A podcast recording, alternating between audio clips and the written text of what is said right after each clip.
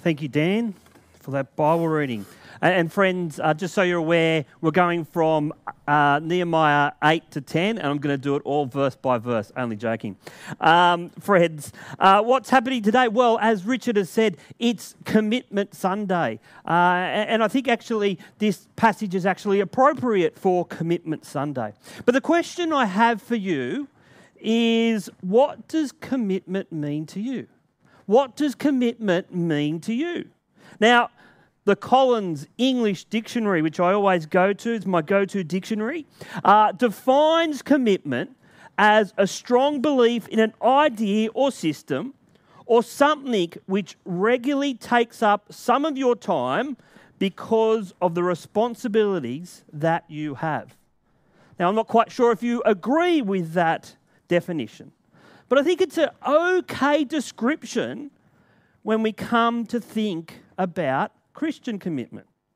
See, we should have a strong belief in Jesus. And we should show our commitment by serving Him. Now, we all sort of understand what commitment is, don't we? You might be committed to your family. You might be committed to a school community a church community, a sporting club, a hobby. There's lots of things that we can commit to. And I'm sure you know commitment isn't just rocking up from time to time and being a passive spectator. Commitment is something more. Now, you might be committed to something. I'm obviously committed to church, but the other thing that I'm committed to is a local sporting club called the Marsden Park Galaxy Football Club. What, what, a, what a great club. Um, I know a few people are involved in that club. Now, at the club, you see varying levels of commitment. You see some parents bring their children sometimes to training, and maybe sometimes to a game if they haven't got anything on. But then there's others, well, they bring their children, they support the team, they might even coach, they might even manage the team. They might even take the dirty, sweaty jerseys home and wash them each week so the team has nice, clean ones. They might be involved in the canteen. They might cook the barbecue. And they might even go on the committee that looks after the whole football club. Commitment is varied. And commitment, I guess, depends a little bit on you. But what is common about commitment is it usually involves a sacrifice of time a sacrifice of your resources. So as we come to Commitment Sunday, well, we're thinking beyond just coming to church, aren't we? We're thinking beyond church attendance. We're thinking how we can show our commitment to Jesus. Now, see, as people who trust in Jesus, our commitment actually comes about because Jesus is so committed to us. Jesus is committed to us. He's so committed that he gave his life as a ransom. He's so committed after he died and rose again and ascended into heaven. Well, he sent the Holy Spirit to be with us. For Jesus' followers, Commitment is partnering in his great work of transforming lives in this world. Commitment is being involved, partnering with Jesus. And friends, our vision for 2023 and beyond is about committing to partnering with Jesus to see lives transformed in this area. So, why are we going to commit to an assistant minister who will look after outreach to families and build our youth? Well, it's to see lives transformed. Why are we going to commit to the Verghese family who are going to the Seychelles? Well, it's to see lives transformed in the Seychelles. Why are we committing to building a youth ministry, growing our explorers and jungle Sunday children's ministry, reaching different cultures and socio-economic areas? Well, it's to see lives transformed by Jesus. And friends, as we come back to Nehemiah chapters 8 to 10, I believe we see a spiritual transformation happening in God's people. See, in these chapters, we see God speaking through his powerful word. We see the people responding in confession and prayer. And we see the people responding in real action. So God speaks, people respond, and they act. This seems very relevant to us today. See, friends, first we need to understand what God's word is. Well, God speaks to us authoritatively through his word. His word is very, very, very important. And what happens when the word is spoken or read? Well, the Spirit uses God's word to declare the truth about Jesus, to convict our hearts, to convict our hearts of sin, or convict our hearts about what we should be doing, maybe because we're not doing it, to help us to grow in our understanding of God, but also grow in how we worship Him, not just here on Sundays, but in our whole life. And Nehemiah chapter 8, if you want to turn to it, gives us a beautiful picture of God's people after finishing the wall, gathering to hear the book of the law read. The first five books of the Old Testament. And they are read by a familiar character. It's Ezra the priest. But not only that, when we look at chapter 8, well, we see that the Levite priests, well, they're teaching the people about how precious and how wonderful God's word is. So we have this large group of people, and they are going deep into God's word, and they are celebrating this word to them. See, friends, we think at this church, reading God's word, living by God's word, is really important. And you'll see on your commitment forms, we encourage personal Bible reading and prayer.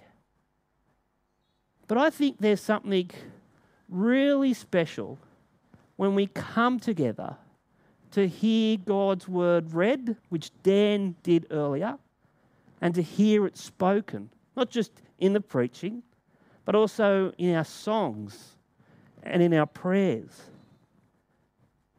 corporately, hearing God's word is important. Gather with other Christians around God's word, may be here on Sundays or may it be in a life group, is really important as you grow to trust in Jesus more and more. But as we come back to Nehemiah chapter 8, well, we see mixed reactions to the hearing of God's word.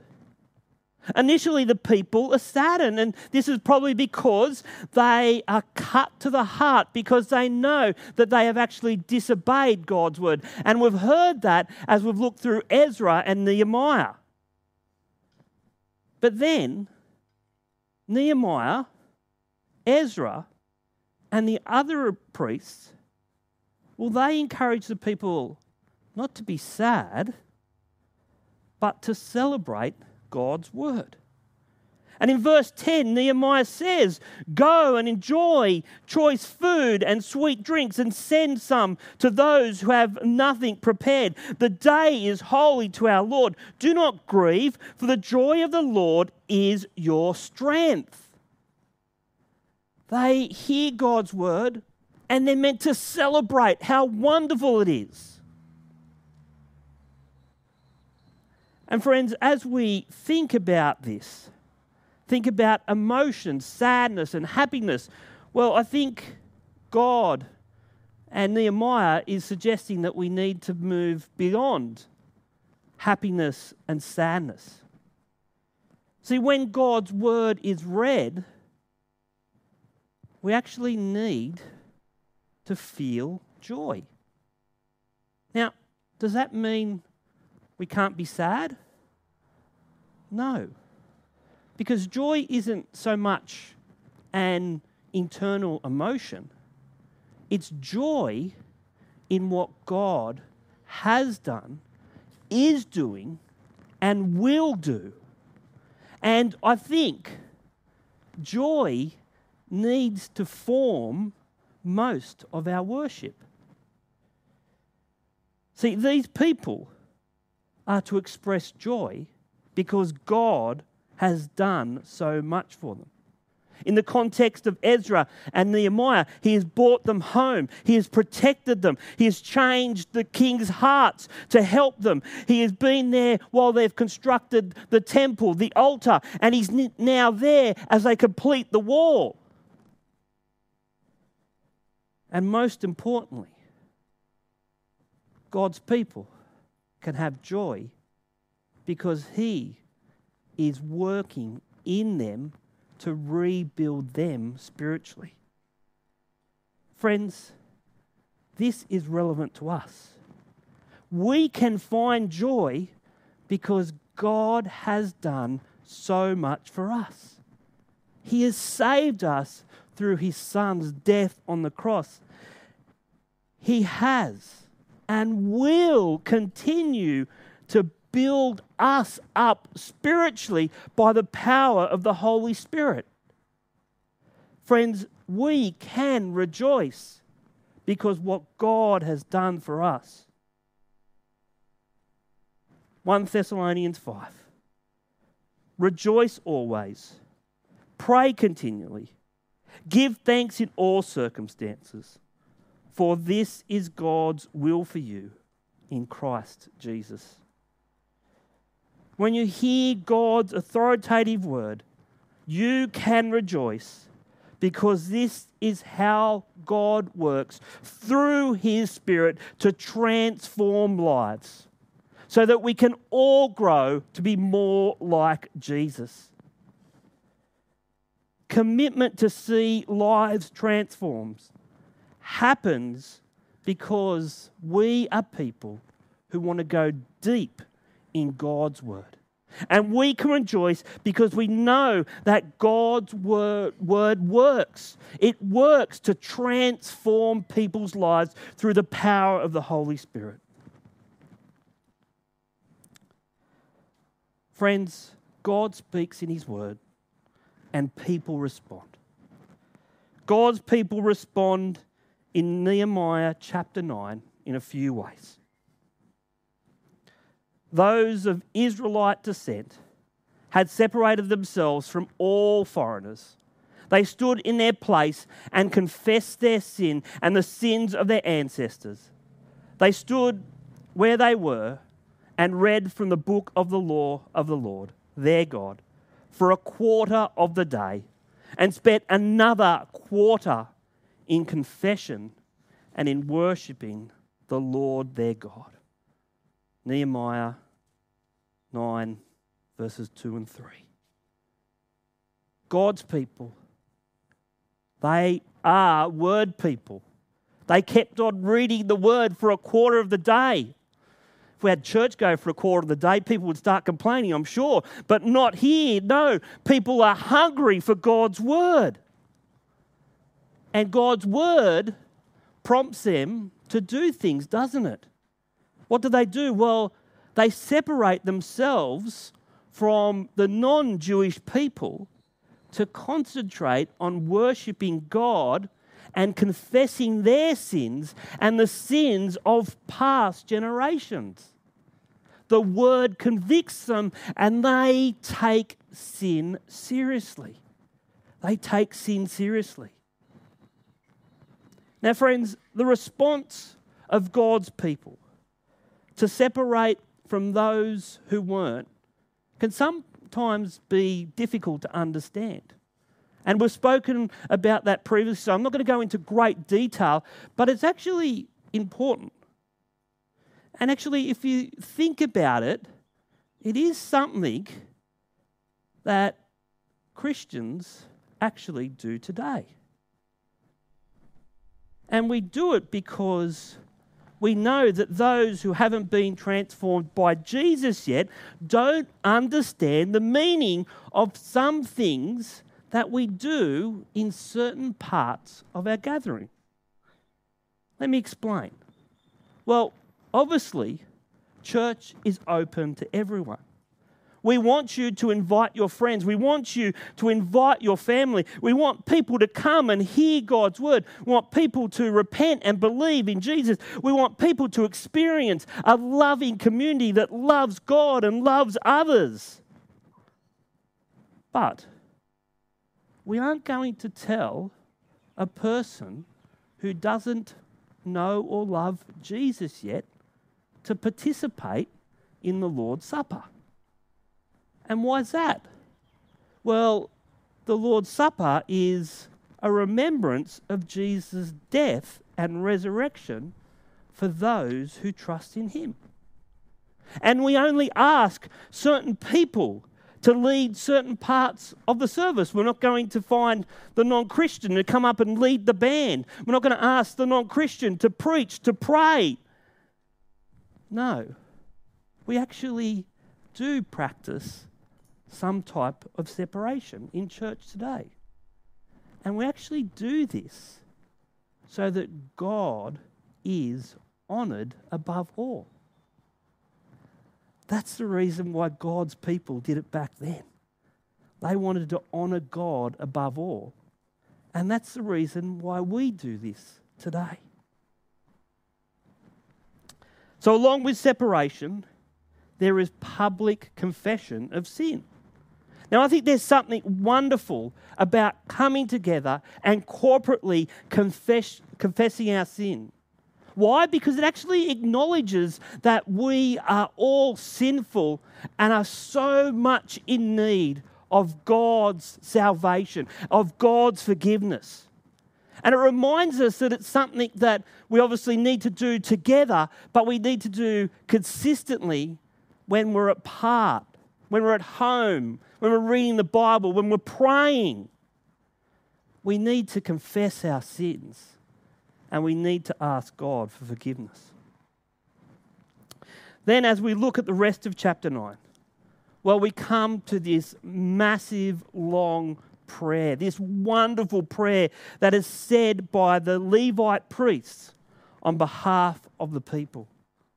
A prayer that honors God Nehemiah 9, verses 5 to 6.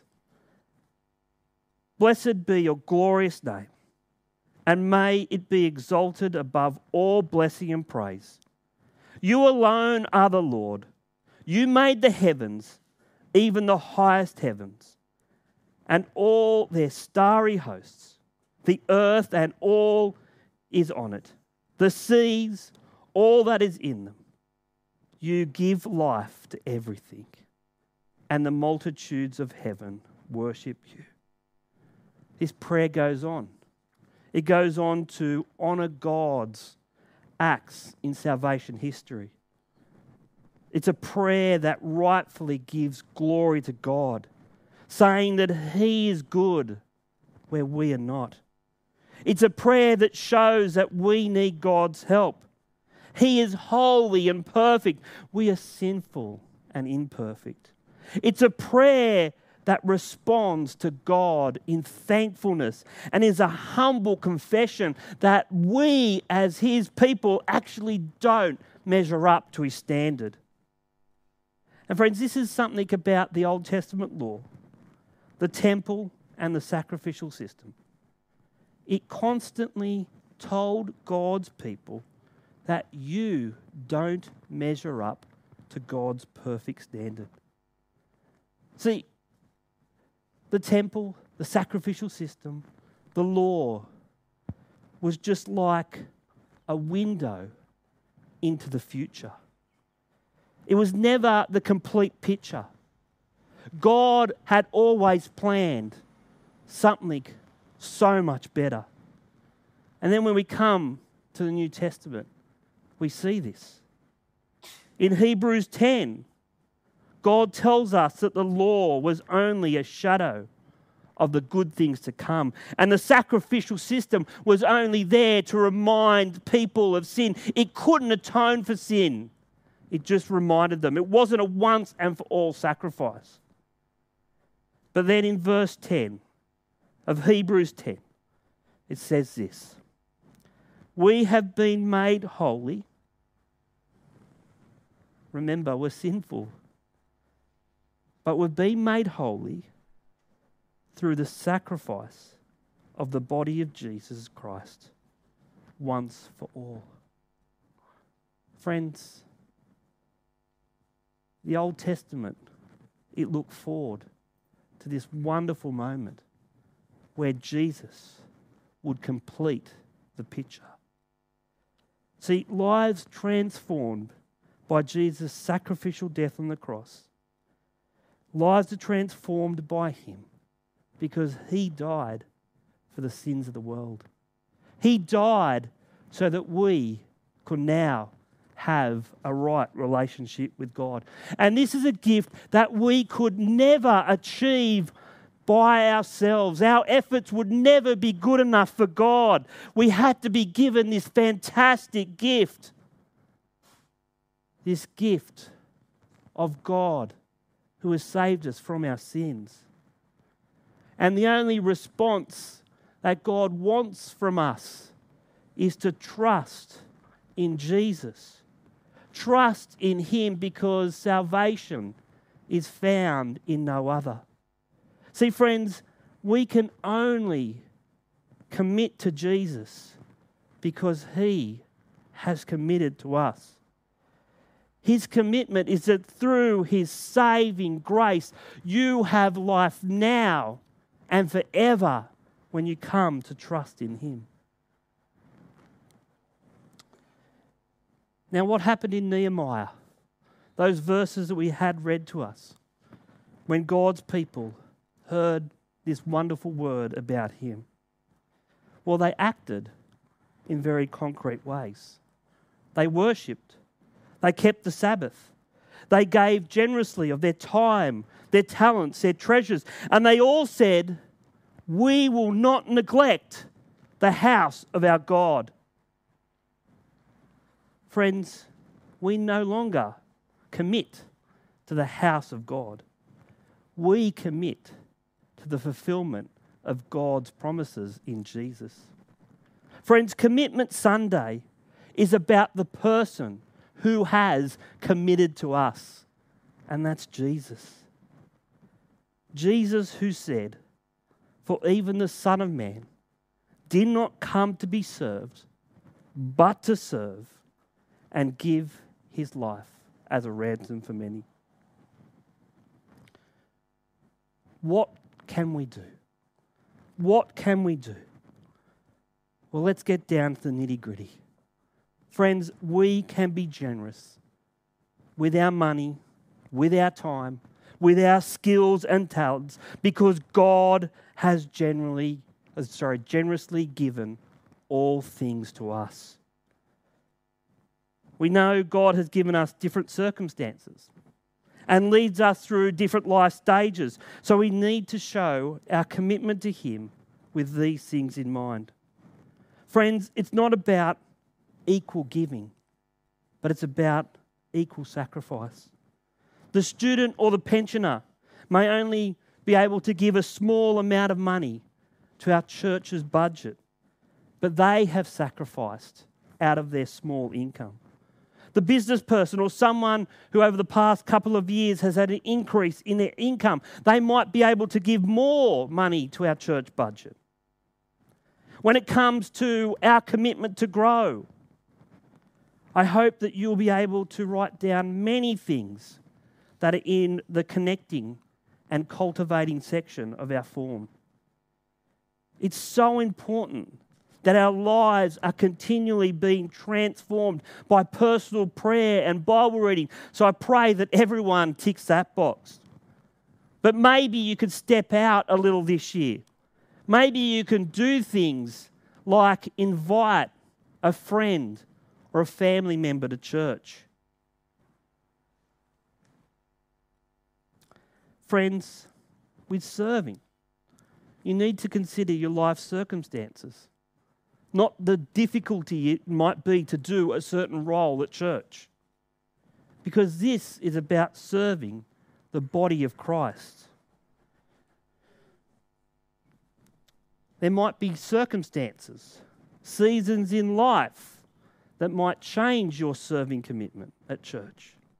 If you have young children, have children with long term health issues, you're caring for a relative or spouse who is sick, well, you're actually serving Jesus by looking after them.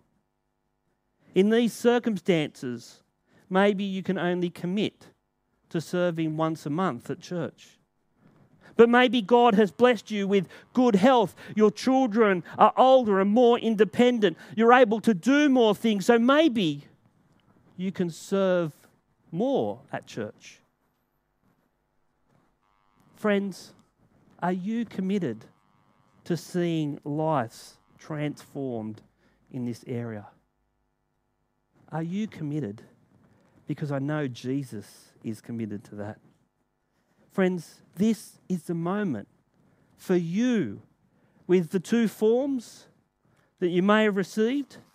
or We'll send you a URL really, really soon. These two forms.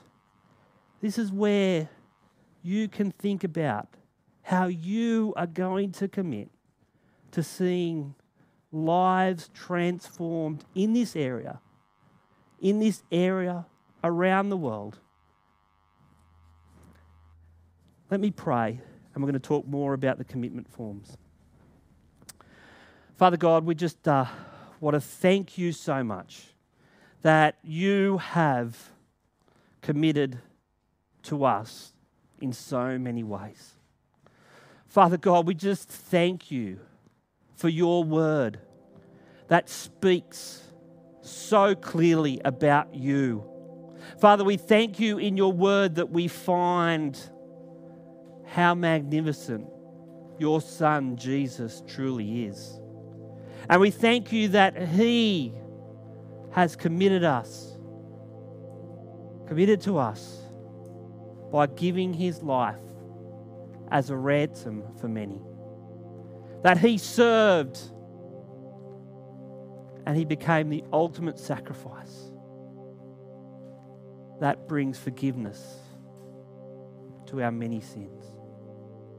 Father God, we just want to thank you for what you do and how you work through us. May we partner with you in your wonderful work to transform lives in this area and beyond. Thank you so much. In Jesus' name we pray. Amen. So, friends, um, you might want a paper form. Uh, if you haven't received one of those, I'm sure the welcomers can bring one uh, or bring two around to you. However, you can see on the screen there uh, two URLs. And if you go to the giving one, you will see that form. If you go to the growing one, you will see this form. And as I said, as I spoke from God's word before, that uh, this is about your commitment to, to God who has committed so much to you. Uh, the first form is really, it is called your commitment to grow. And on that form, there are options that you might choose to do. I pray that you can regularly pray for a friend. I pray that you can also regularly keep to a quiet time. But maybe there's other things you want to choose there. And then, friends, uh, we love serving at this church. There's about 80% of us in this congregation who serve, and that's absolutely fantastic. You have many options there. We want to start a youth ministry. We'd love people to get involved. We love people to get more involved in hospitality. We love kids. We love scripture. We love playtime. We'd love to see you be involved there. I'll let you fill out that form. Uh, the other form is your commitment to give. Uh, there's, a, there's a graph that uh, we've shown um, that, that shows that we want to uh, really step out this year, or next year, I should say, and give generously. We want to bring on an assistant minister, and we want to do that because we want to reach more families We want to start a youth ministry. As you're very well aware, 30% of the population of Marsden Park is in the 0 to 14 age group. We want to reach them, we want to reach their families. But we also want to support people like the Vergeses who are stepping out and going to the Seychelles to support people in that country, to grow the gospel in that country. Uh, so we'd love you to uh, be prayerful and think about how you'd like to give there. Uh, so you get your choices to do it online or on these forms. Uh, if you're going to fill out one of those forms, we'll give you a, a few moments, and I'm going to put a little basket up on the stage here, and we'd love if you can drop your uh, commitment forms into there. Uh, just with the the everything to do with money goes through our wardens. So I don't really get to see those forms. Dave Keegan here, he's one of our wardens. Paul Collis, there he is, uh, is another one of our wardens, and they'll be able they'll be looking at those forms. Bonnie Ann and myself will obviously be looking at the um, commitment to grow and serve because we'd love to get you involved in growing God's word, but also serving God's people.